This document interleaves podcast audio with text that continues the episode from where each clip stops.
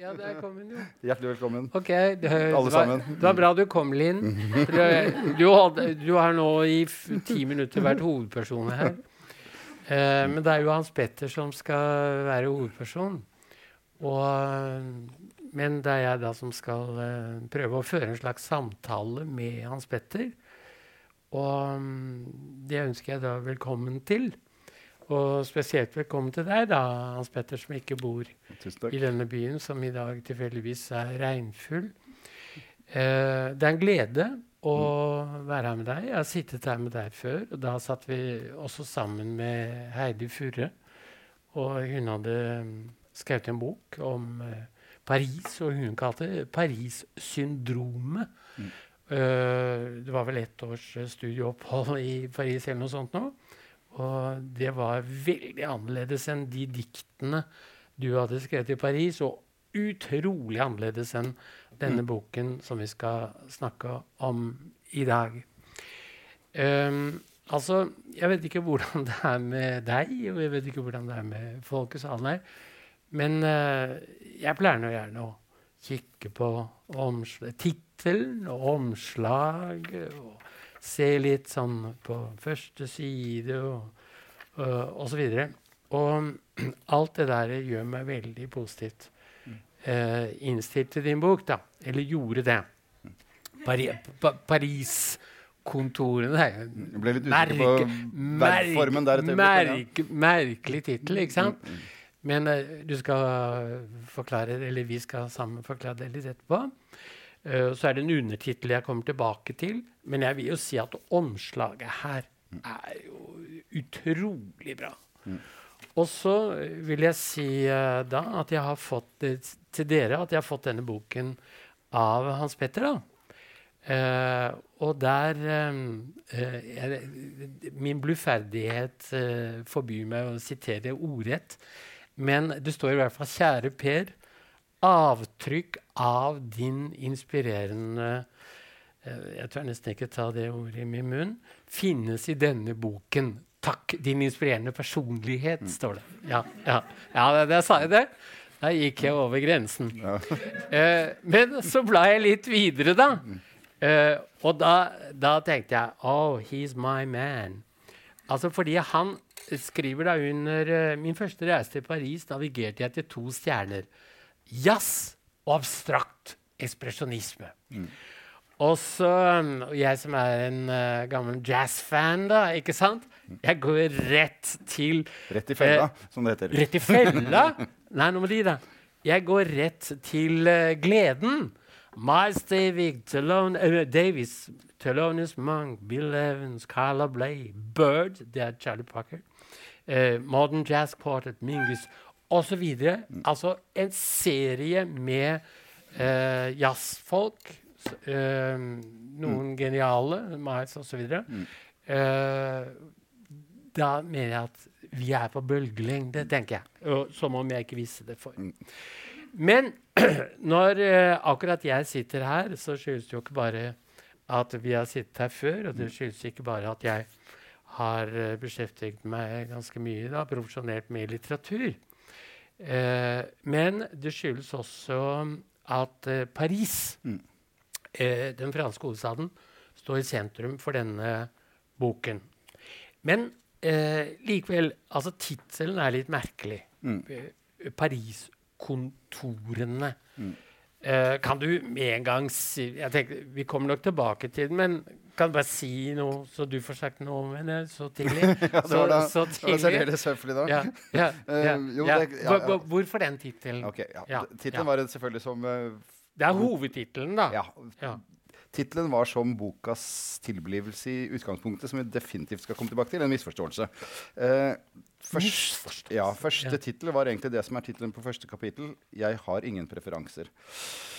Men da jeg sendte manus til Sindre, som er den sentrale antagonisten i boka, for at han skulle lese, som er en virkelig person, naturligvis eh, Virkelighetslitteraturen er en ting vi sikkert kommer til å peke mot etter hvert. Men Sindre med initialene MH fikk boka i posten og sa Hei, MH.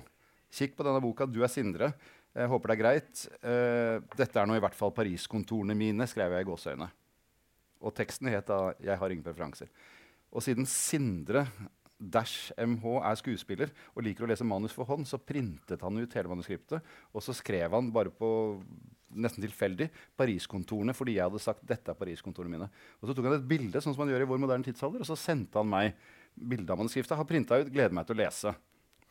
Og så så jeg Paris-kontorene på trykk, og så tenkte jeg det er en mye bedre tittel enn min 'Jeg har ingen preferanser'. Så 'Jeg har ingen preferanser' ble da eh, første kapitlet, mens romanen fikk tittelen via en misforståelse fra, en av, fra bokas antagonist. Så det er egentlig bokas antagonist som har gitt tittelen til teksten, som i og for seg er litt interessant. Ja. Eh, det var interessant. Hurra, hurra, hurra, hurra, hurra Sindre. Eh, det er sikkert, før vi går videre, det er jo sikkert en del folk som eh, ikke vet hvem eh, du er, eller uh, gjør seg Jeg er blant dem, så det er sagt. Eh, så jeg, jeg kan jo da minne om, som om jeg ikke skulle vite det, så um, slo jeg opp eh, på Wikipedia. Av og til så sier jo akademikere at de aldri bruker Wikipedia. Jeg bruker må si med stor nensomhet. Men det står i hvert fall eh, det samme som på oppslaget inn, innbretten her, at du er født i 62. Og du er eh, forfatter, dramatiker og regissør. Eh, og det står at du debuterte da med romanen 'I skyggen av små menn midt på dagen'. Det er litt interessant. Du fikk jo en pris for den. Eh, og um, det er jo litt interessant, fordi du, du skriver faktisk litt i årets bok om eh, Og skulle bli forfatter. Og skulle bli forfatter. For eh, Ja. Eh, og eh, de- den første boken av deg som jeg leste, da, det er en eh, bok eh, som heter Altså som handler faktisk om Hva heter den, da? De nysgjerrige, kanskje? De nysgjerrige, ja. Som handler om ditt opphold på Eller i hvert fall ett opphold på den eh, norske eh, Ja, det, norske huset. Den internasjonale studentbyen. Mm. Og jeg syns den var veldig interessant, og det er jo kalt den ultimate Mm. studentroman. Ikke mine ord. Det jeg Nei, men så var- står det mm. også her på, på eh, Wikipedia så står det eh, da at du er dramatiker. Mm. Du, har, du er jo filmskaper. Mm. Og noen her har jo et visst forhold til Solstad. Og du skrev jo sammen med Hans Petter Moland manuset til denne Mm, Nei. Eh, der, eh, er det feil? Det er feil. Jeg, jeg, skrev manuset. Hans Petter Moland regisserte filmen. Eh, Jeg var såpass uh, Hva skal jeg kalle det Wikipedia. Ja, der, der, der ja, ja. har du det! Wikipedia. Jeg var såpass ugrei at jeg faktisk Ja. kritiserte filmen uh, mens den var i klipperommet offentlig under et uh, filmmanusforfatterseminar Ja. filmseminar, hvor jeg kritiserte Hans Petter Moland for ikke å filme filmens nøkkelscene. Og det kan jeg i og for seg gjenta her, siden dette er på podcast, at han Ja. filmet ikke syklingen på vannet. Som er hele kvintessensen i Gymnaslærer Pedersen. Mm. Og av den brede grunn at det var for dyrt å filme det. Og det har han sikkert helt rett i. at det er selvfølgelig dyrt å filme folk på vann. Jeg mente at det var mulig å legge en planke litt under vannoverflaten og la en sykkel gå på det. Det er ikke så jævlig vanskelig heller. Men i hvert fall det, så at det, eh, for det har bekymret meg veldig mye i ettertid. Mitt ettermæle etc. etc. og atter etc. for å sitere Dag ja, Solstad. ja. ja. det ble ikke syklet på vannet. Nei. Mens sykling på vannet er helt essensiell i den Men du Boka. bekrefter at du var involvert gjøre, ja. i Ja. utarbeidelsen av den filmen? Ja, jeg, jeg skrev Hva- manus var- basert på Dag Solstad-romanen. Ja, Jeg var den uskyldige mellommannen. Shoot the piano player. Ja, men da er vi da er vi- le Ja. Da, da er vi helt enige. I årets roman, som vi jo skal komme til etter hvert, så skriver du at noen dramatiker Det kunne du ikke bli. Det, det skriver du i forbindelse med at eh, en av personene her, en ganske viktig person, Sindre, som du alt har nevnt, han blir jo eh, skuespiller. Mm. Uh, og du prøver deg ut i det dramatiske. men Nå så sier si- du du, men ja. jeg kan ikke si du.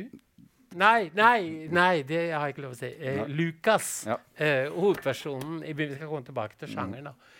Eh, Lukas Mm. eh, han prøver seg som dramatiker, men Hans Petter Blad Mm. han har skrevet ganske mange skuespill. Står det på Ja. Wikipedia. Jeg vil si fire.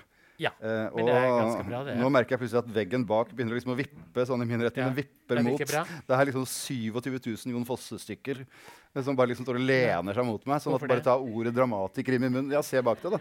Altså, det står jo foss, foss, foss, foss, foss, foss, foss, foss, foss. Så det ordet har fått en sånn egentyngde. Mens Ja, det er begynner å liksom uh, stråle ut varme- og gammastråler fra veggen. Okay. Eh, det å være det å være Altså, én Ja. Jeg mener og har hatt som teori ganske lenge at en hvilken som helst skjønnlitterær tekst, det være seg dramatikk, poesi eller en romantekst, bør inkludere alle tenkelige sjangre av skriving i teksten. Med andre ord, du må ta inn over deg eh, poesien, dramatikken, essayistikken og kanskje sakprosaen til og med når du skriver en roman. Hvis ikke de elementene er til stede i romanteksten, så er ikke romanen på en måte Og i tillegg så mener jeg faktisk at man også tar inn over seg alle de andre kunstartene i romanskrivinga. Du må forholde deg til billedkunst, musikk, arkitektur osv. For at romanteksten kan at seilet skal fylles såpass at du får en slags fart. Eller størst mulig hastighet i, gjennom kulturen, da, for å si det, sånn, eller gjennom leseren sin. Sånn at det å forholde seg til de andre Men det er klart at igjen, mange vil hevde motsatt. At det nettopp du å rendyrke én spesifikk egenskap ved teksten, er det som gir et verk dets hva skal jeg si, dets, dets dybde. At du liksom gjør romanen så romanmessig som mulig, og poesien så nær en, et ideal om poesi. Men min teori har nok vært i mange år at liksom, du, du inn, innreflekterer alle de andre sjangerne i, i teksten, både på et kunnskapsnivå gjennom et visst nivå av referanser, og på et stilistisk nivå ved at du, hvordan du forholder deg til replikker, hvordan du forholder deg til hva skal jeg si, språket som poetisk eller tvetydig i også en romantekst. At du ikke nødvendigvis bare skriver en helt rent hverdagsspråklig kontekst i en såkalt normalprosa. Og, og sakprosa da, i betydningen at du vil kanskje da øh, inn, ja, du vil snakke om et eller annet vesentlig utover personenes tanker, væren, gjøren og dramatiske, eventuelt Mm. dramatiske forhold til andre personer i boka. Men at jeg, men at jeg bare avslutte, jeg beklager, beklager, men, men at jeg har en sterk sterk bevissthet om at jeg ikke kom til å bli en stor dramatiker. Det merker man, på en måte, for det har ikke den der fingerspitzengefühl som en dramatiker må ha. På samme måte som kanskje eh, andre vil føle at det liksom, de begynte, som, eh, begynte som musikere, og så endte de opp som, som, som kanskje dirigenter osv. Man, man føler seg fram i det store kunstneriske rommet. Og så bommer man, og så føler man som Jeg begynte jo med ballett, det var den første, og det ser jo alle i dag, at jeg er ikke noen ballettdanser. Sånn at man må prøve alt.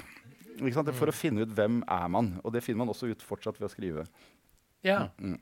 Nå har du eh, egentlig indirekte sagt, sagt en del om eh, årets bok, da. Mm. Men eh, de fleste har vel ikke eh, ennå fått eh, noe grep om hva slags bok dette er. Mm. Så, så det hadde jeg tenkt vi skulle prøve på sammen, da. Mer eh, konkret og, Mm. og sånn i henhold til den boken.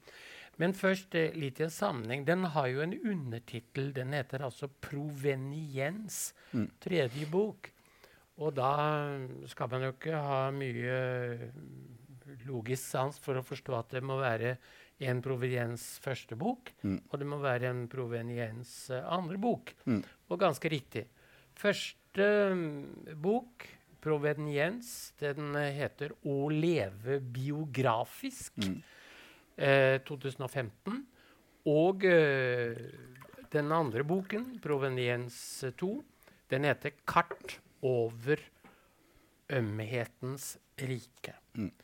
Proveniens, det betyr jo i hvert fall normalt da, uh, avstamning, herkomst, uh, opphav. Mm. Og uh, vi forstår jo da bare av dette at denne boken inngår i et prosjekt. Mm. Altså sannsynligvis da det vi kan kalle et litterært prosjekt. Mm. Kan du si litt om hva dette prosjektet går ut på? Men ikke, ikke en forelesning på en halv time, men, men bare si veldig sånn kort hva Forsøks- dette prosjektet går ut på. For så vidt går det, ja. Ja. Ok, Man begynner på et eller annet tidspunkt og Man velger seg en tekst og en tekstmasse å gå inn i. Noen ganger så oppleves det som et relativt begrenset rom, hvor man skriver en diktsamling som f.eks. Clair Obscur, som vi snakket om forrige gang, som hadde til, som idé å ta utgangspunkt i det såkalte stemmeløse i Paris. Altså de i Paris, det i Paris, dem i Paris, som ikke hadde muligheten til å uttrykke seg. Og den, jeg hadde en idé om at jeg skulle kunne klare å uttrykke noe om det. Det var liksom lukka, det lukka som seg selv. Mens proveniens var på en måte åpent fra begynnelsen av. Nå det, går det så bakover i tid, sånn at den, eh, en roman jeg har skrevet som heter 'Det oseaniske', som der Lukas dukker opp som første gang, opplever jeg nå som en del av proveniens, som en slags sånn prolog til proveniens. Ja. Som er Altså det, er det er jo helt idiotisk å skrive en serie med bøker i dag. Det er det dummeste du kan gjøre. ikke sant? Fordi du blir sammenlignet med Knausgård. og det, liksom, det er bare helt idiotisk. Altså, øh, nå kommer liksom fosseveggen bakfra, så kommer Knausgårdveggen forfra. Hva som kommer i angrep fra siden nå, det aner jeg ikke. Men i hvert fall, det er, det, er, bare dumt. Men samtidig så er det befriende å gjøre noe helt idiotisk, fordi det gir en frihet. Det, det, gir deg en frihet til å skrive det som alle, veldig mange skriveskolelærere, jeg er ikke blant dem, ikke Tormod heller, håper jeg, sier at ikke skriv om forfattere. Det er ingenting som er kjedeligere enn å skrive om forfattere som skriver om forfattere. Det blir en sånn kinesisk eske som lukker seg om seg selv og blir bare dum. Men, men okay, nettopp derfor så får man også holde på i fred.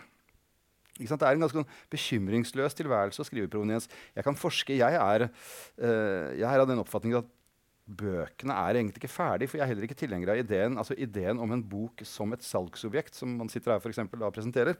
Den er jeg også ganske fiendtlig innstilt i forhold til. For det er veldig mange bøker som er skrevet som manuskripter under arbeid, men som ikke er hele Prost, eh, 'Spor av tapte tid', er jo ikke ferdig ennå. Tilfeldigvis er Prost død.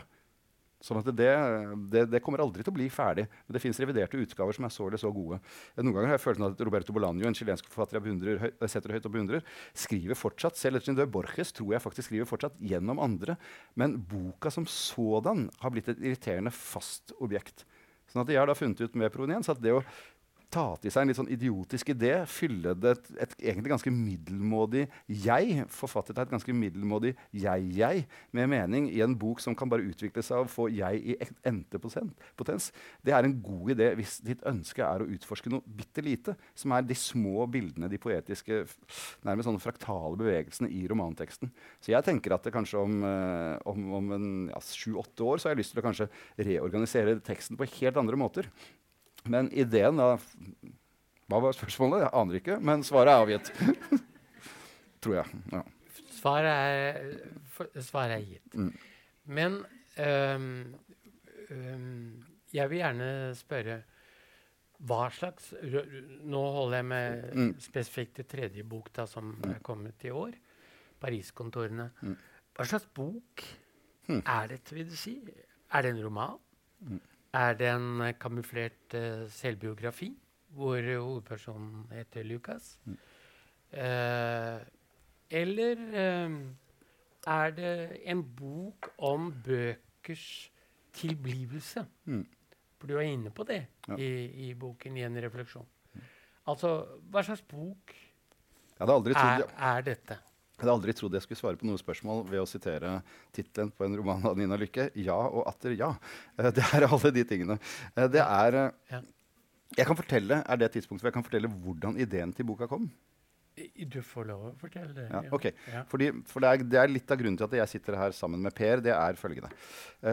jeg ble invitert av Litteraturhuset med Per og Sandra var også veldig hyggelig å invitere, til å snakke om forrige diksam, ja, tre diktsamlinger tilbake, Pariskontorene og Paris. Eh, og der, morgenen jeg skulle ta tog til Bergen, så leste jeg lynraskt mailen for å være sikker på at jeg visste hva jeg skulle snakke om. Og da trodde jeg det sto 'Hvor skriver du?' i Paris. Og på toget de syv timene fra Oslo til Bergen så skrev jeg en endeløs liste over hvor jeg pleide å skrive i Paris. Og begrunnet valgene av kafeer og restauranter og barer. Mm. Og så kommer jeg hit, og så sier Per det er ikke hvor du skriver, det er jo hva du skriver vi er opptatt av. OK, ja vel, greit. Det, det er jo mye enklere. Uh, så på toget på vei ned så begynte jeg å kikke på de papirene. Ja. Og så begynte jeg da faktisk rent og konkret å lure på ja, hvorfor velger jeg det stedet framfor det stedet. Ja. Og det avleda noen ganske interessante tanker som jeg da penneførte og sendte til Per og Sandra. Men jeg sa her har du liksom, her, se her hvor galt det kan gå når du liksom ikke leser mailen din nøye. Det ble 30-35 mm. sider med notater omkring steder jeg liker i Paris. Mm. Eller misliker. Mm. Og så syntes dere det var artig, og så ble jeg litt sånn inspirert. Så tenkte jeg kanskje det er noe her. Så begynte jeg å lure på ok, hva er det som ligger her. Jo, det ligger en veldig annerledes ting i forhold til hva en god del, store deler ikke, men i hvert fall en god del av den norske tenkninger omkring litteratur kan sies å være, nemlig intimsfæren. Vi snakker veldig ofte om intimsfæren når vi forholder oss til norsk litteratur, nemlig hva skjer innenfor husets fire vegger. Mann, kone, foreldre, barn, eh, foreldre dør osv. osv den lukker seg inne i en si, ganske begrensa geografisk, tidsmessig og hva antall karakterer angår, sfære. Sånn at jeg slo meg plutselig, ok, Kanskje det å se på et jeg i et offentlig rom kan være av interesse. Så det var på en måte første trinnet i en slags sånn gang mot å si ok, jeg, jeg kan vende meg mot noe annet. Og jeg har alltid vært opptatt av det sosiale livet. ikke sant? Den store verden. Være seg i den, en form for politisk tenkning, men også det som kalles dødtiden hos Prost. Prost levde et liv hvor første halvdelen av livet var å være i sosieteten, og resten av halvdelen var å beskrive det livet med kritisk, humoristisk og ironisk blikk og forsøke å forstå det. Og, og død, altså, det sosiale føler jeg står i en litt sånn, har en lav posisjon i det norske. Det er offentlige livet, verden der ute. Så det å på en måte flytte et jeg ut i, i det offentlige rom var en interesse. Så slo jeg tilfeldigvis opp um, eh, Så er det ofte at man begynner å liksom, hvert fall sånn som jeg skriver, når du, når du sitter og skriver en bok, så samler du på en måte bøker rundt deg som du på en måte føler at kan belyse det du sitter og skriver. Og En av de bøkene var 'Tropisk elegi' av Claude Levi-Strauss, antropologen. Mm. Den spiller jo en viss rolle. Den spiller en viss rolle, ikke sant? Så begynte jeg å lese den på nytt, så så jeg at oi, franskmennene har en stygg tendens til å dra ut i verden og beskrive verden fra sitt frankofile ståsted. Mm. Sånn at de opp oppfatter at de har definisjonsmakt til å si sånn lever de i Guinea, sånn lever de i Brasil, sånn lever de på tvers av Sahara, nord og sør for Sahara osv. Så, så definerer de verden og skaper f.eks. strukturalismen som, et, som en måte å definere verden på. Vi har brukt resten av verdens befolkning som empiri. Men de, de opprettholder definisjonsmakten. på en måte, Sammen med amerikanske Er dette en kritikk av Levi Strauss? Ja, faktisk er det det. Det er en, det er en, det er en kritikk av Levi Strauss. Og det er også en, en hyllest til en annen uh, etnograf som ligger langt forut for, eller i hvert fall 30 år forut, nemlig uh, Michel Leris. Michel Leris, som jeg setter mye større pris på. Mm. Leser man tropisk elegi, elegi i dag, så er den for det første er den helt islamofob. Uh, for det andre så er den Han hater jo å reise. for det tredje så han altså, er, han utrolig. Han er jo inne i um, Amazonas. Han er inne i Amazonas, Men som, som, jeg påpeker i denne, denne, boka, det er en del av det faglige grunnlaget i boka, altså han er en person som ingen tiltalte han utenom høflighetsformen. Altså Alle sa 'vo'. Det var Frankrike den ja, gangen. Men hvordan kan, du, hvordan kan, du, kommunisere med folk i jungelen i Brasil hvis du opptrer med høflighetsformen? Tolk. Ja, men allikevel, du, du, du, har kanskje nivellert deg i forhold til de du skal være likestilt med. Ja, sånn at den, den boka, altså hele et, Den etnografiske, antropologiske vitenskapslitteraturen ble en del av det. Og så kommer det en mye, lav, mye mer lavstående sjanger, nemlig reiseskildringen dash guideboka. Ikke sant? Og det, eh, det å kunne si Og det bare gå rundt i Paris som en slags sånn guidebok sånn at Jeg mener jo påstå at det er faktisk mulig å ta den boken og reise til Paris og liksom, bruke den som et kart til å finne ut hvordan det, skal jeg ha det helt greit. Så det er også en guidebok. Det vil jeg, bekrefte, ja. det vil jeg bekrefte, faktisk. Altså. Med enkelte mangler, siden flere av stedene er nedlagt. Men det er nå også Ja. ja. Mm. Ja. Um, vil du ha en liten kritisk uh, merknad? Helst ikke, men hvis du ja. Men jo, greit. Ja. Mm. ja altså du um, Men jeg skal gå videre. Ja, men dette er bare på dette punktet en liten kritisk merknad, siden du kritiserer Leus-Ross. Ja. Jeg syns du kanskje tar litt sterkt i når du liksom sabler ned hele strukturalismen på grunnlag av ja, da, trop tropisk elegi. Men det er nå det. Men det andre er at nå har du definert deg som uh, sosial. Mm. Og det vet jeg jo. Mm. Du er jo en uh, veldig sosial uh, kar. men det som slår meg likevel når jeg leser denne mm. boken, da, når du farer rundt og Det er veldig anstrengende liv, vil jeg si. Å finne disse, me, ja. finne disse kafeene hvor du kan få ro til å spise på det og det tidspunktet. og Du, du må være der om morgenen, du må være der mellom måltidene osv. Du må være på talefot med innehaver og kelner osv. Det er veldig anstrengende. Og en kritisk Hvorfor får ikke fyren seg en leilighet hvor han kan sitte og skrive i all ro, tenker jeg da. Men, uh, men du er sosial. Uh, mer ja. sosial enn meg i så henseende. Men uh, samtidig så er du jo ikke det. Mm. Fordi altså, Da vil jeg si at når jeg kommer inn på en bar eller en kafé, så er jeg mer sosial enn deg. For jeg, jeg tar ikke opp da uh, å skrive, sånn skrive med en gang sant, for å mm. signalisere Nei, uh, ikke berør meg, Nordli med tangre. Uh, jeg skal ha ro. Ikke sant? Slik at din sosialitet er jo også Hva skal vi si? Du har kritisert Levi-Strauss. Uh, den er jo også litt sånn uh, Hva skal vi si selvsentrert. da. Litt selvsentrert. Det, Ja. det tar jeg som et, Ja. Som et kompliment. Eh, jeg tror svært, særdeles, eh, er vel kanskje riktigere. Jo, det var eh, bare en liten merknad. ja, eh, Hva var det tanta mi, tante Anne sa om bestefaren min? uh, Torleif Nordre? Sto Torleif fem minutter i en polkø, så kjente han alle. Ja. Ikke sant? Det er noe med det hvordan du velger å være i verden. Men så er det også ens egen verste fiende. For hvis du skal skrive, så er jo skriving det er selvfølgelig kontemplasjon og observasjon. Ja. Men så det er liksom vekslingen mellom at du skal vikle deg inn i denne verdens strøm, Ja.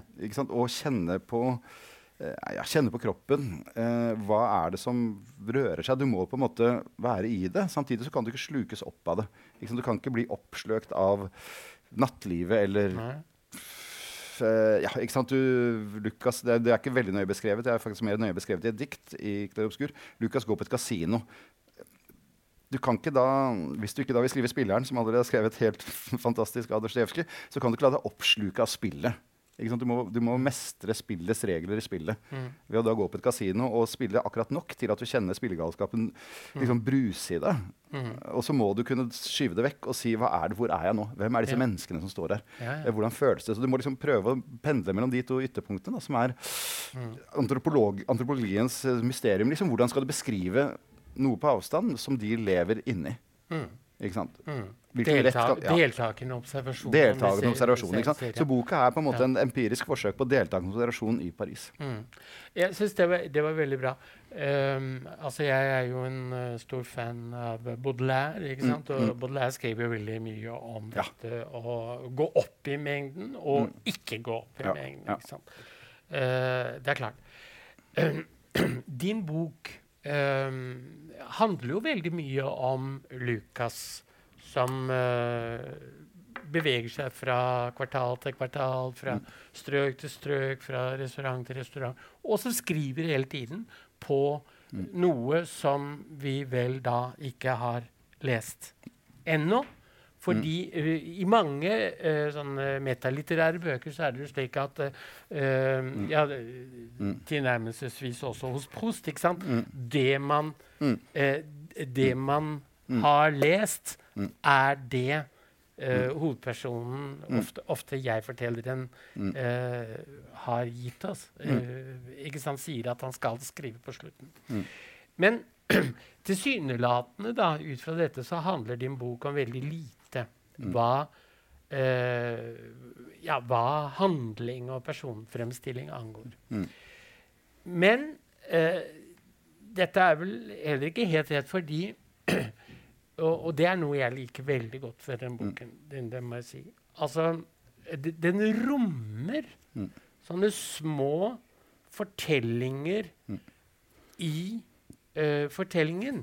Altså far og sønn. Mm. Altså F.eks. For forholdet mellom Lukas og faren, eh, som jo lanseres allerede til å begynne det, before faren eh, forstår at han er i ferd med å miste sin sønn til en annen sfære. Mm. Eh, jazz, eh, klassisk musikk, litteratur, ikke sant?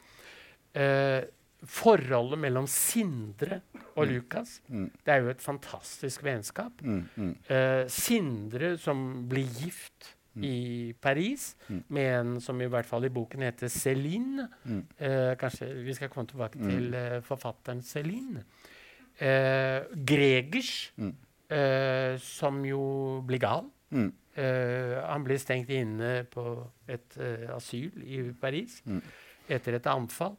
Sofie, som er Lukas eh, Eller Sofia, sier du? Eller hva sier du? Mm. Jeg sier Sofia, ja. Ja, Sofia. Sofia. Som Mm. er, er konen til Lukas. Og Agnes, som er datteren Mm. til og, og, og, og flere med.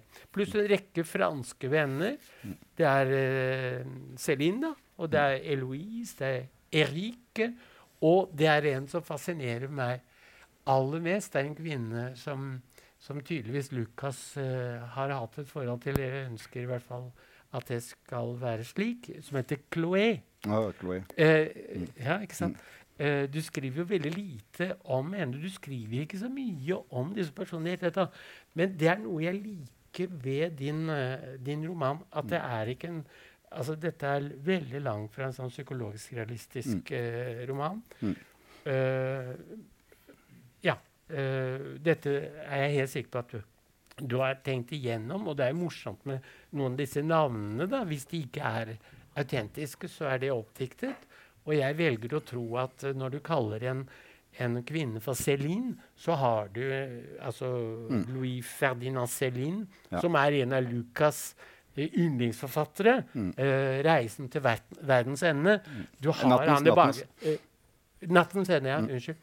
Uh, og så er det en annen som du kaller for Eloise. Mm. Og da eh, assosierer jo jeg til Abelard Mm. og Eloise, Ja. eh, det berømte kjærlighetsparet i, i middelalderen. Ja. Ikke Kan jeg bare skyte inn da? Eh, ja, nå skal du få ordet. Du, du kan få lov å si litt om dette. Mm.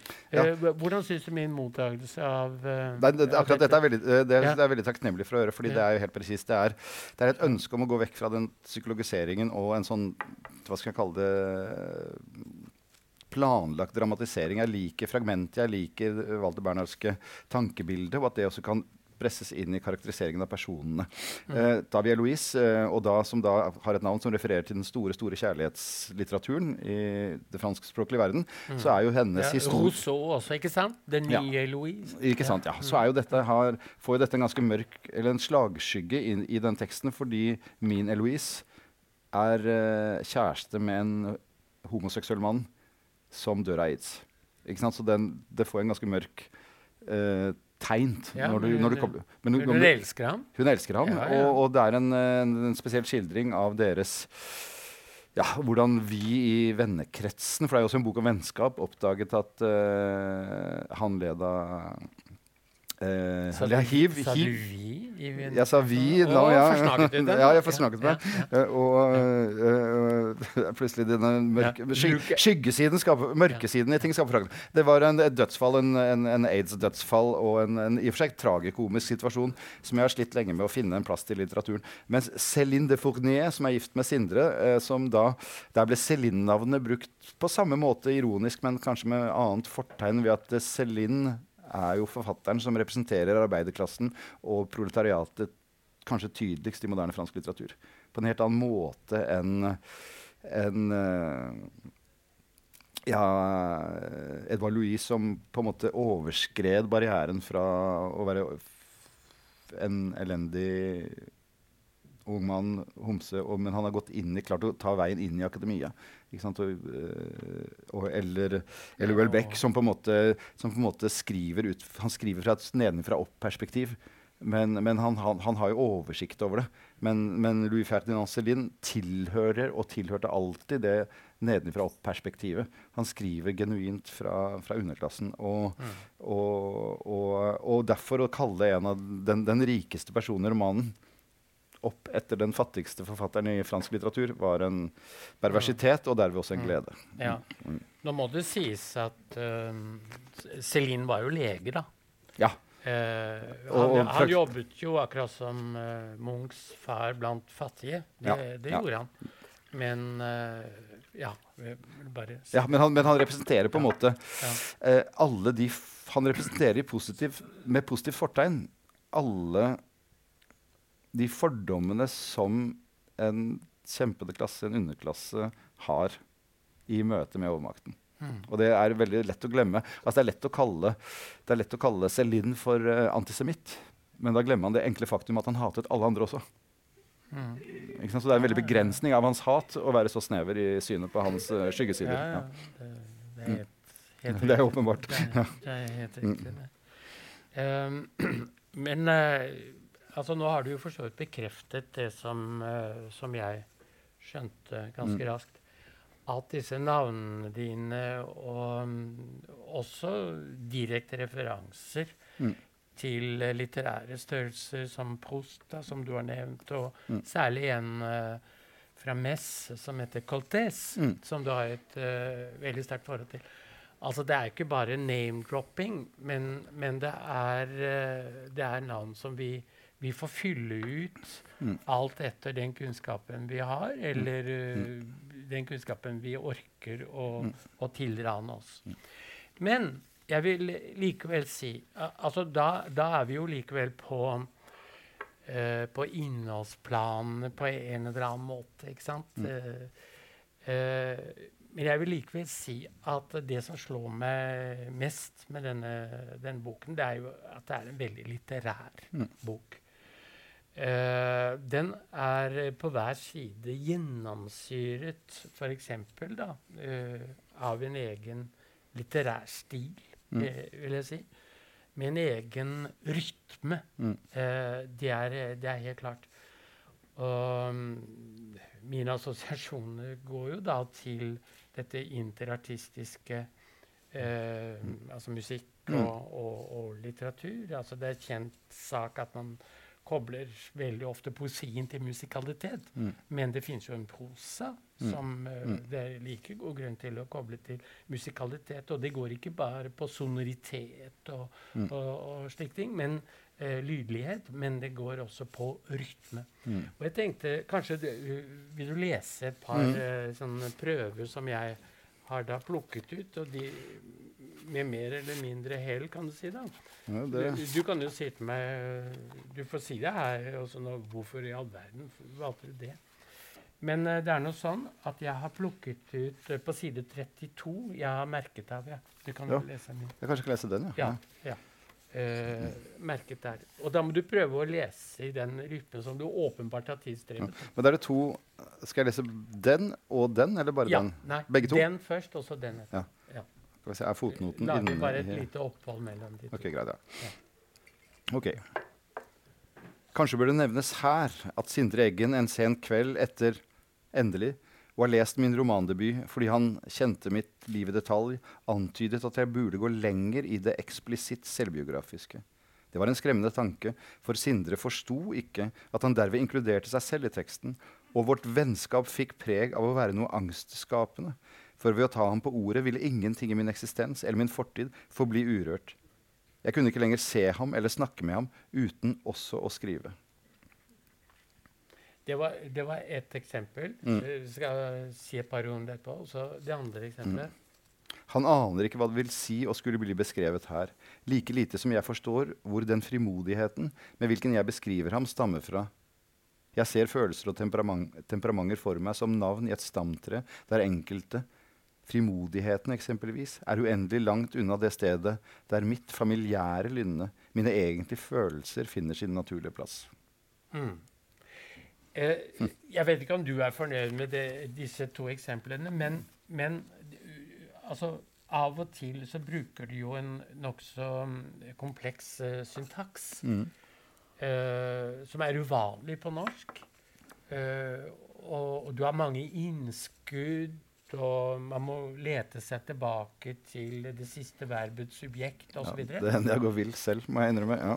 Ja, ja. Men Mm. uh, der er det jo slekt med Host og, og mange, mange der som, eh, Mm. som bruker uh, komplisert uh, syntaks. Men for meg har det også noe med rytme å gjøre. Hva, og dette var kanskje ikke de beste eksemplene. Mm. Jo, men det var interessant, fordi hvis jeg kan, hvis jeg kan låne boka igjen ja. Hvis du ser her, sant, så er vi inne Ja. på OK. Eh, han aner ikke hva det vil si å skulle bli beskrevet her, like lite som jeg forstår hvor den frimodigheten med hvilken jeg beskriver ham, stammer fra. parentes. Jeg ser følelser og temperamenter for meg som navn i et stamtre der enkelte, frimodigheten da eksempelvis, er langt er uendelig langt unna det stedet der mitt familiære lynne, mine egentlige følelser, finner sin naturlige plass. Med andre ord, det å se for seg liksom ordboka, da, eller eh, The Dictionary, ordboken, som et stamtre. Altså du du har liksom et jeg som er på en måte sentrum av den enkelte forfatters ordbok, og så er det ord og underliggende ord og fetter og kusiner og, besteforeldre osv. av disse ordene. At språket som sådan blir et familietre, er en tanke som ligger, u, som ligger dypt forankra i proveniens, altså som er undertittelen på hele. Altså slektstrærne. Dette er en overvis... Man kan si at en hele Så det, jeg vil si at du, har- du, har, nevnt helt, to helt sentrale veldig, veldig bra gjort, veldig bra lest. Det er to helt sentrale, bitte, bitte små helt på overflaten helt ubetydelige sekvenser i boka. Det ene snakker om forholdet mellom det å skrive og det å skulle bli beskrevet, som i boka bretter ut to andre tenke- og væremåter, nemlig det å være skapende og det å være fortolkende. Mm. Altså, Lukas er forteller og forfatter. Han skriver. Han er skapende i sitt virke, og han er også skapende ideelt sett, da, hvis boka fungerer, i sin måte å være i verden på. Ja, Du det er jeg helt enig Ja, i. ikke sant? Du Ja. skaper din egen litteratur ved å være i verden. På samme måte som verden begynner å respondere på dette. Og Lucas sier ofte hvordan enkelte personer liksom løfter ikke sant? Eh, Eloise tar han med til Chartres for at han skal kunne være og oppleve det prostianske. Ikke sant? Og løfter han inn i litteraturen. Céline de Fournier tar han med til en spe spesiell kirke som ingen andre i Paris går til, fordi hun vil at han skal komme til en forståelse av at dette er også Paris. Sånn, dette tror jeg du som forfatter. Og Lucas går inn i det og fyller det på en måte med en form for skapning eller skapelse. Sindre derimot som skuespiller fortolker virkeligheten. Sant? Han går helt motsatt vei inn i det å være til stede i verden og virkeligheten. Og sånn har de kanskje muligens vært fra barnsbena. Eh, Ja, det er jo kjempeflott, den eh, altså lille dette lille innblikket som du gir oss i, i de to guttene som, Mm, mm. eh, som som gutter. vokser opp sammen, ja. Som vokser opp Som sammen, og hver sin ja. mellom de to mødrene. Og, uh, så det er veldig fint, det, altså. Og det, så det så er det ene. Og det andre eksempelet med, med, med stamtre altså, Hvordan kobler man seg på verden? Det er jo ja, Jeg har jo ved enkelte anledninger i hvert fall uh, Hvis jeg ser på, ser på min egen telefon, hvis jeg scroller meg nedover telefonen min, ja. så er 60% av navnene ikke-norske.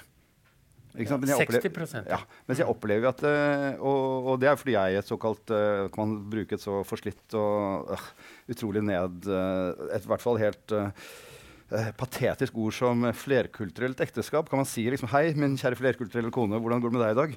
Men det er nå engang sånn at vi snakker liksom spansk, engelsk, fransk og norsk hjemme. Men det er liksom en litterær virkelighet, det i seg sjøl også. Uh, min, uh, hvis du ser, ok, Skal jeg ta en liten, et lite, bitte lite foredrag om dette? da.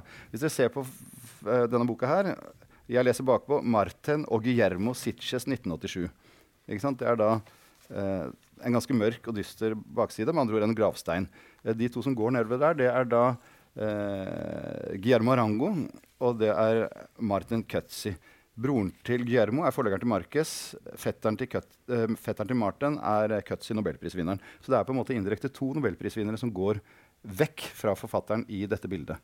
I denne faktiske boka. Som eh, for å toppe den litterære, hva skal jeg kalle det ah, Det er jo så patetisk, men det er det som er fint. Hvis man elsker det patetiske, hvilket man gjør da, hvis man har sans for de store følelser, så er det jo da ekskona. I tillegg så er det ekskona til Tur Erik Lund som har tatt bildet.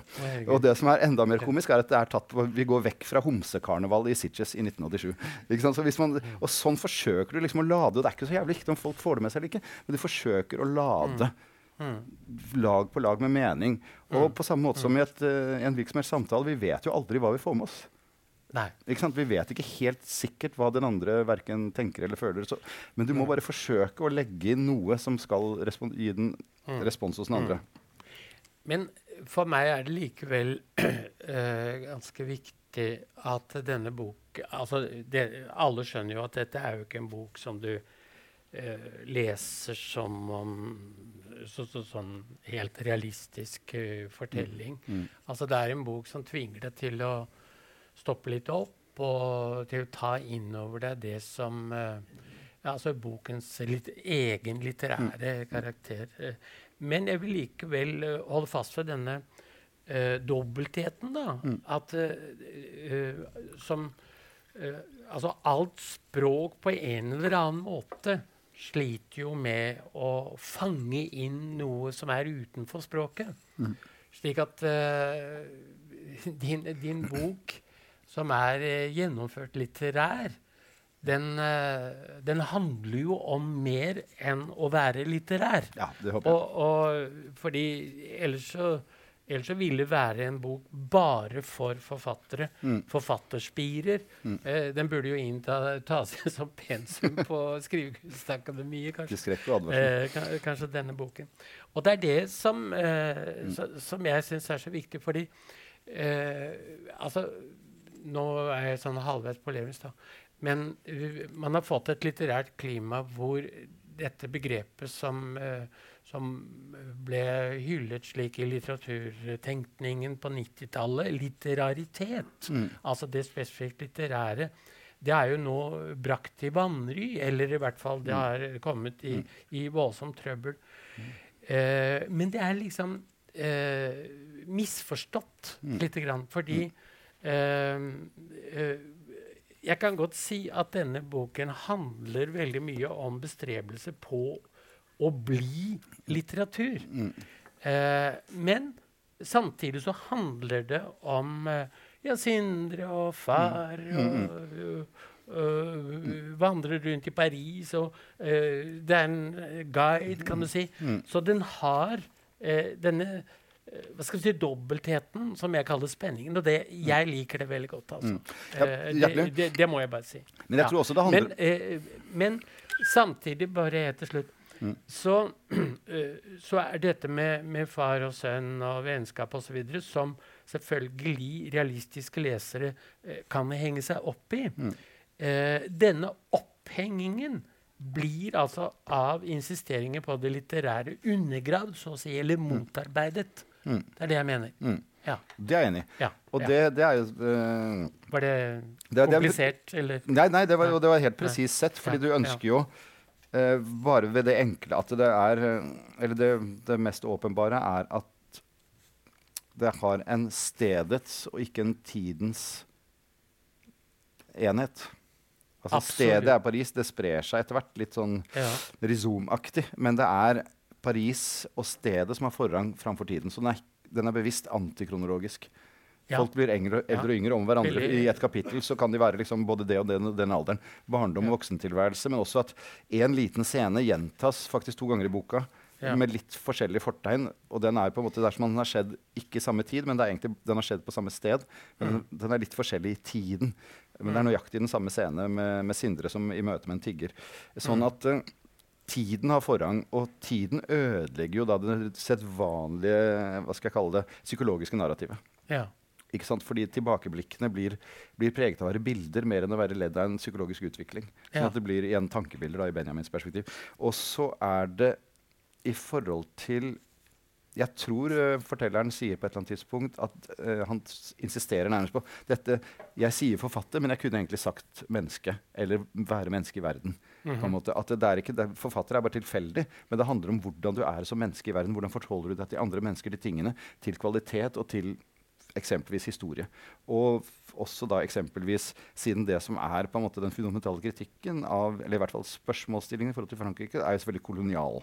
Kolonialismen, imperialismen, hvorvidt imperialismen og kolonialismen er død eller levende fortsatt, og hvordan vi da forholder oss til den andre. De andre. Det er ikke helt Mm. tilfeldig at boka slutter i Marokko, i det fransktalende Marokko, med en fransk familie som eier et luksushotell, hvor uh, ironisk nok fortelleren ligger i egyptisk bomull og gjør sine nedtegnelser. Mm. Ikke sant? Kan jeg, kan jeg der eh, stille deg et spørsmål? Mm. Jeg hadde ikke tenkt å ta det akkurat nå, men jeg tar det Ja, likevel. du har jo bare 200 sider med notater, så Eh, dette du- er jo Ja, siden du Mm. Fordi du la boken slutte i Marokko. Mm. Og utgangspunktet for denne Marokko-reisen, hvis jeg forstår deg rett, Mm. eller forstår boken rett, det er at eh, Lucas eh, reiser dit med sin datter, Mm. Agnes, Mm. for at de skal snakke litt om eh, sitt forhold, Mm. hvordan det var Mm. da hun var Mm. ung. Mm. Og Lukas Lucas Mm. eh, var litt for mye borte, Mm. eh, kan man si. Mm. Men eh, jeg syns det er eh, kanskje litt overraskende at eh, boken slutter i Marokko når den heter Paris-kontorene. Mm. Kunne- jeg skjønner at du vil ha det koloniale inn, Mm, mm. og du har allerede sagt litt om det. Mm. Men. Ja, altså det er vel en idé om at Paris-kontorene da forhåpentligvis i boka har Ja. fått blitt løftet opp fra å være en tilstand, tilstand knyttet til Paris som by, til å være en slags nesten diskursiv tilstand. Altså på den ene siden det logiske franske Descartes, og på den andre siden en annen, mer emosjonell tilnærming. Sånn at det, det er liksom en, en annen type motsigelse i boka. ikke sant? Eh, eh, kropp, sjel. Men også at det franske er Og jeg er jo en tilhenger av det franske som, som tenke- og væremåte. At det er en måte å være i verden på, på godt og vondt. Mm. Ikke sant? Og at det er Man føler seg nesten som en del av jeg, Eller jeg følte meg egentlig mer altså, Eller som min datter sa, da, at eneste grunnen til at du likte deg så godt i Marokko, var jo at eh, jeg, altså ikke Lukas, eneste grunnen til at du likte Marokko, er at alle de eldre mennene går kledd identisk med deg. ja. Sånn at jeg, fikk jo, jeg ble jo tatt vel Ja, imot overalt. Men du føyer til noe. Hvordan, var det, hvordan går du kledd da? Ja. Det er- For du sier det helt ja. rett ut. Eh, Ja. La oss si relativt kjedelig da, og litt gammelmodig. Og som, jeg, altså jeg Det er egentlig de, kledd som en med din datters Ja. Eller med Lukas altså, hvis, du, hvis, hvis, hvis du har det estetiske elementet, da, så, Ja. så, ja, så går man jo kledd som jazzmusikere fra 50-tallet omtrent. Men det gjør jo også alle marokkanske menn som ikke går i jellaba. Sånn Ja. at jeg var liksom innafor der. Men ok, det var et sidespor. Uh, estetisk, og det er jo også noe vi ikke er så opptatt av i norsk uh, romankunst, kanskje. Det estetikken. Det er ganske mye snakk om estetikk. Ja. Ja. Eh, og ikke bare mennesker, men også klesplagg har en sentral plass. Men bare for å gå tilbake til det. Årsaken til, at- årsaken til at vi er i Rabat sammen, er et ønske om å komme til en forståelse av fortiden som far og datter. Da står naturligvis slaget og min plass i hennes barndom sentralt. Var det virkelig slik at jeg aldri gjorde annet enn å skrive? Spørsmålstegn. Mm. Ok, Det kan man lese, hvis jeg kan få tillate meg å fortolke det. Eh, litt grann. Ja. Så kan man lese at det har med skriving å gjøre. altså En kunstnertilværelse, en liten familie, en far som ikke er til stede. Men det er klart når vi snakker om å være i Marokko i en frankofil diskurs, så snakker det om kan vi forandre fortiden eller ikke. Mm. Kan jeg erobre en plass i min datters fortid som er annen enn den hun mener seg at jeg bør ha? Er fortiden oppe og avgjort? Og det bare vi leser, slår opp i The Guardian for to dager siden, så diskuterer man Gauguin og om det er eh, kolonial praksis, hvordan, eh, hvordan eh, Tahitis kvinne ble representert i, i Gauguins malerier. Kan vi gå ut av fortiden på denne måten? Kan vi Slaget om fortiden er ikke over ennå. Det er vel på en måte min, min tese. Og at vi kontinuerlig forholder oss like mye til framtid, fortid og nåtid. Men at ved å innse at den døren hele tiden står i hvert fall eh, delvis åpen og på gløtt, så kan vi kanskje ved å kaste lys ved, ved hjelp av ja, en diskuterende praksis som det å skrive en roman er. da. Og kanskje det å skrive en roman over tid, hvor fortiden også på en måte blir Det er det som er interessant med å skrive bøker som henger sammen. Altså, ikke, Jeg kritiserer ingen, eh, eller jeg kritiserer meg selv muligens, men jo, jeg kritiserer eh, meg selv og enkelte andre. Jeg sier følgende som en tese. Eh, ok, Det er noe som skjer med romanteksten hvis du Jeg begynte jo på proveniens i 2006. Ja. Ikke sant? Altså, proveniens som et verk. første Ikke sant? bok. Første bok, Ja, nei. ja. Men da var ikke det første bok, da var det bare en tekst som, som hadde en tilblivelse. Ja. Ikke sant? Så det at det, tiden er en del av romanverket, syns jeg har vært veldig interessant i det å drive med romankunst. Mm. Fordi, og at det for eksempel, hvis man ser eh, på hvert fall tre av de bøkene som er her, så er det navn som dukker opp i disse bøkene fra romanene. Så du vil finne noen av navnene i diktsamlingen også. Så du får sånne Ja. eh, Og Lukas også forekommer jo i andre. Exactly. Exactly. Og, og Horatio, som, som dør i denne boka, har sin begravelse i den boka. Så disse tingene henger sammen. Men for meg så er det interessant. Jeg tror det gir en arkeologi til skriften. da, Som er annerledes ved at antallet personer i denne boka her er vel sikkert jeg vet ikke, 300, kanskje. Jeg tror bare sånn helt tatt på feelingen. Jaha. Eh, som med navns nevnelse. Og, og det er klart at hvis du jobber over et relativt langt tidsaspekt Mm. Ikke at du oppnår en perfeksjon som er annerledes eller bedre, men du oppnår noe annet. Du Mm. oppnår en form for arkeologi. Og det syns jeg er interessant i en tidsalder hvor hastighet og tempo er så hva skal jeg si, framtredende da, i hvordan kunstverk får sin tilstedeværelse i verden. Mm. Så er tiden et sentralt element. Mm. Mm. Vil du lese siste avsnittet, fordi der står det rett ut eh, hvordan uh, Ja, uh, Lukas ser på, ja. ser på sitt opphold i, Ja, okay. i Rabban. skal vi se. Føles litt ondt mot Gisle Selnes som står og venter på en halvliter, men ok, sånn er verden noen ganger. han gikk Ja. ja. Man må jo tenke på sine lesere. Han kunne ikke holde seg. Ok. Ja. Jeg skriver da må, da, Ok, skal vi se. Har vi sagt hvor vi er? Ja, det har vi. Okay. Ja, Rabat. Ja, vi er i Marokko. I Marokko. Ja, kongens by. Ja, det har jeg vært. Jeg skriver for på magisk vis å lokke denne ukjente fram i meg selv, noterer jeg, nå på kirkegården i Rabat i Marokko, med Atlanterhavet nedenfor, med notatboken på kneet. Ustødig, utsikt mot havet, kattene, en tigger som sakte går opp skråningen fra stranden, krumbøyd, hånden strukket ut framfor seg, allerede lenge før han ser meg, blant gravsteinene. Mm. Så der er vi, ja. Du har jobba med den uh, slutten? Jeg jobba med slutten, jeg jobba med begynnelsen, jeg jobba med Ja, ja, du har men, jobba med alt, men eh, men, eh, det er, eh, Unnskyld. men jeg har jobbet med mye- Det var ikke meningen å Men jeg jobba med veldig mye Ja. som ikke står her også. Som jeg, noen ganger så er det sånn at man angrer på ting som plutselig ikke får lov Ja, til å være med i boka. strøket, du har sikkert uh, Ja, men- men- masse notatbøker. Men som en, uh, apropos det man lærer fra det franske Eloise, skråstrek, en Ja. mulig tenkt person i virkeligheten, er av fransk bondeslekt og kommer fra Chartres. Mm. Og måten jeg ser hvordan hun lager mat Ja. så Det har vel inspirert meg veldig i forhold til skrivinga. At Ja. du, du, ja, du, du kaster ikke noe. Mm. Ikke sant? Du, du skal lage coq au vin, og hvordan du liksom behandler høne, hvordan du behandler alt mulig, alt du gjør og alt du bedriver på kjøkkenet. Mm. Det er helt en sånn at du må ikke Ingenting må gå til spille. Ikke sant? Så det er et, et, et av mine favorittavsnitt i boka som ikke er med, som handler om uh, monsieur uh, Nå får dere en eksklusiv ja, Det handler om uh, Levinas og monsieur Chuchani, som var en, en, en, eh, jødisk vismann av et helt sånn ufattelig, uspiselig slag, uh, som, som dukket opp og forsvant. dukket opp. Han var ekstremt løgnaktig, men som visstnok har inspirert Levinas tenkemåte. Ja. Og det er veldig få som har beskrevet han. Og jeg du- dukket uh, i en eller annen sånn uh, undersøkende lesning som var Men så plutselig så fikk jeg litt følte at det er dette på utsiden av bokas egentlige tematikk. Uh, selv om den jødiske tematikken og Paris og Le Marais som som, som, som en del av bokas tekstunivers er jo også veldig til stede. Altså annen verdenskrig. Men, men, men det monsieur Chuchani og Levinas og deres forhold, det var fem sider som jeg nå sitter med da, som en, hva skal jeg si, en rest på kjøkkenet. ikke sant? Dette med på en måte lage en ny rett. da. Og, og det å ha et system oppi den galskapen der, det er veldig viktig, fordi jeg vil ikke at det skal gå til spille. Men jeg håper at uh, Chuchani og denne, hva skal jeg kalle det, tenkningen rundt Kabbala og, og, og Talmud og fortolkning. For der er vi der er også inne på fortolkning. Den store store fortolkningskulturen i verden er vel den, den, den jødiske på mange måter. Hvor Ja. fortolkning er på en måte, ja, Et liv uten fortolkning er jo helt utenkelig. Bare det å ikke fortolke ting er jo helt eh, Det å ikke diskutere ting timevis, som for andre vil oppfattes som ubetydelig, det er jo forferdelig, selvfølgelig. Mm. Mm. Det er ikke noe liv. Um, noe som ligger i det du sier, og som ligger i det sitatet der til slutt, da, altså siste avsnittet, Mm.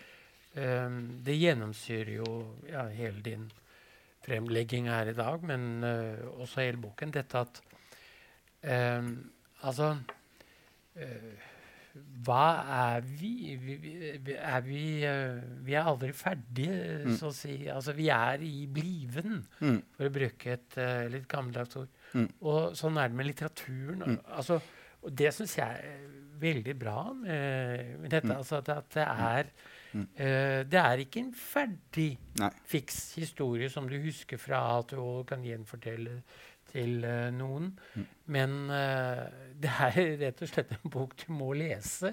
Ja. Uh, Eller ikke lese, da, hvis du velger det. Ja, det ja, er jo ja, faktisk også noen, Jo, som, jo, men det er også altså, noen vi- som har valgt det. Har jeg lagt Jo. merke til? Jo, jeg vil jo tippe det, da.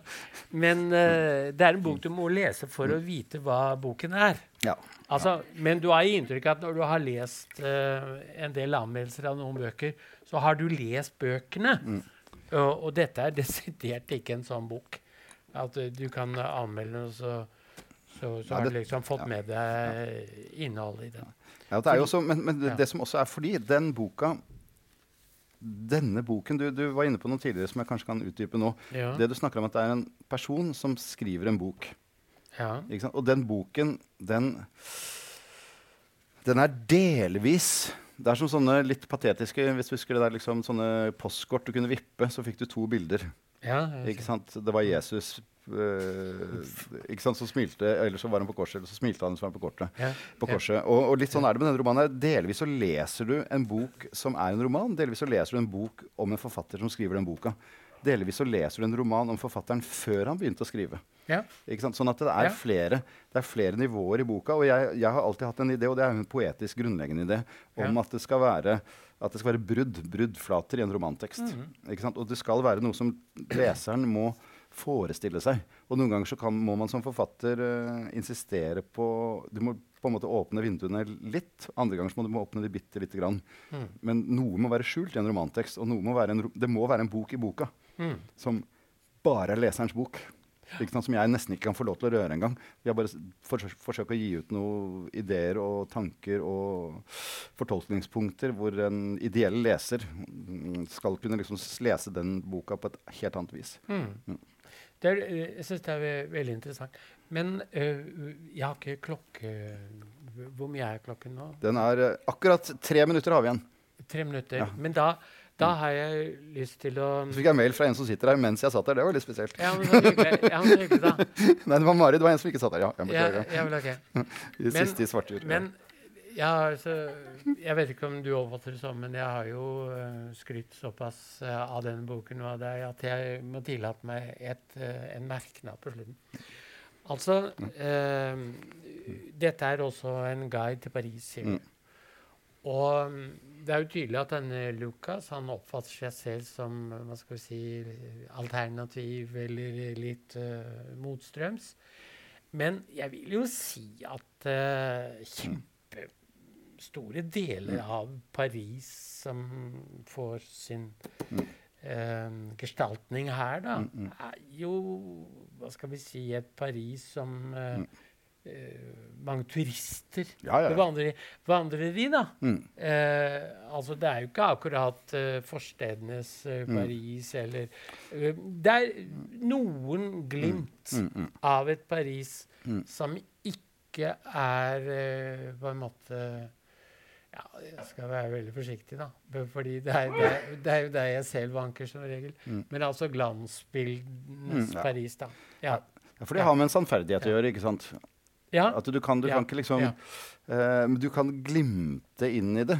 Og, og, og du kan antyde ikke sant? Han er på kino i forstedene. Det er uh, Ja. møte med Altså, det er en flerkulturalitet. Han bor også ø, og møter Ja, ja. problemer. i Ikke sant, ja. Men det å liksom, det å liksom tilrane seg det føles som, en, eh, som et overgrep. ikke sant? Men du må, du må vise at du Som jeg håper boka til en viss grad gjør, at du viser at du vet at det eksisterer. Det kan være demonstrasjonstogene, det kan være eh, gjennom eh, den og den type tilværelse. Men det, jo, det er en veldig moralsk og viktig, og, og som jeg har tenkt selvfølgelig en del over. Du kunne liksom du kunne, Det hadde ikke vært veldig vanskelig for uh, Lukas Hørslev å spille en mye mer forstads... Altså, for det har jo vært nok der til at jeg kunne ha beskrevet det, men, men det føles litt uh, løgnaktig. Så du må på en måte finne den balansen mellom å si det fins, Mm. og, og jeg vet om det. Altså, ikke sant? Det er som å være, det er som å være i Oslo. Det er noe, og noe av det kan du ikke Det låner seg i hvert fall ikke. Jeg skal ta en lite komisk sluttpoeng. Eller tragikomisk sluttpoeng. Jeg hvis, enda et spørsmål? til, ja. Ja, ok. Mm, Men, det er noe ta ja, okay. Jeg bare kommer til å tenke på liksom min, eh, en, av, en som har dukket opp som, eh, som heter eh, Ja, jeg kan si Lice heter han. En person som, som jeg har et kjært forhold til, som er min, min syriske bilmekaniker. Og jeg skulle kjøre bilen min opp til Seljord, veldig svingete veier i Telemark. Og jeg merka at bremsene ga noen sånne utrolig skrapelyder. Det rista, Bremsene rista når jeg skulle kjøre. Mm. Og, da, og han er beskrevet i Kart over Vennlighetens rike. En jeg pleier å spise couscous hos i Oslo. Han sitter med sånne skitne mekanikerfingre, og så spiser vi couscous med fingrene sammen. Oi, Eh, og, men da var det en søndag, så jeg måtte ja, ikke sant. Ja. Ja. Eh, og det er jo også et møte. Men da var det da en, en, en, en etter arbeidstid, og jeg skulle kjøre grytidlig opp til Telemark og hørte den der skrapinga på bremsene.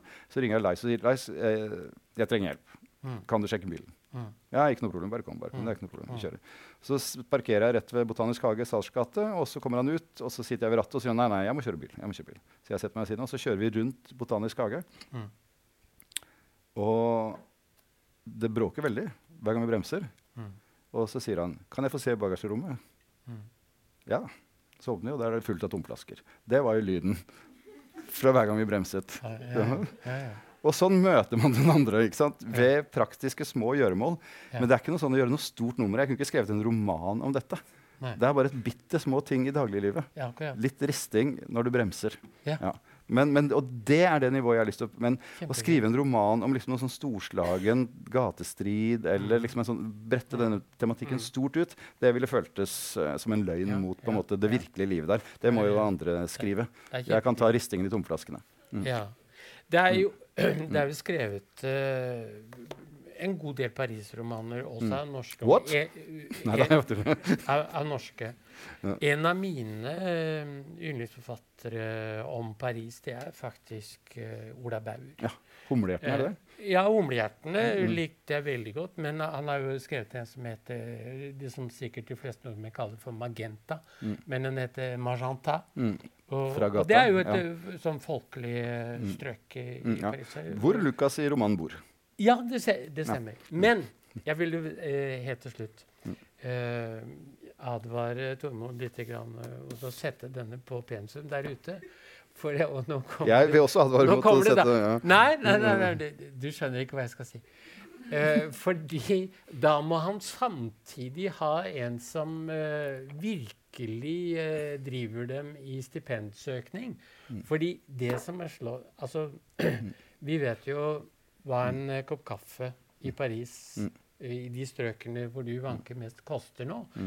Altså, det slår meg jo helvete. Han, eh, han må ha god råd, tenker jeg. Altså, jeg, jeg lever rundt på disse kafeene og restaurantene og Jeg mener eh, Har du tenkt på at du kan gi et sånt inntrykk av at uh, forfattere Jo, helvete, de har, de har god råd i våre ja. dager. ja. Har, du, har du tenkt på det? La meg svare Eller med, er det veldig trivielt og banalt? la meg svare med tittelen på et essay av Umberto Eco. Svar. Hva koster et mesterverk? Fra Takk. Det Det Det det er, ikke, det gratis. jeg var veldig. Ja. Takk skal du ha.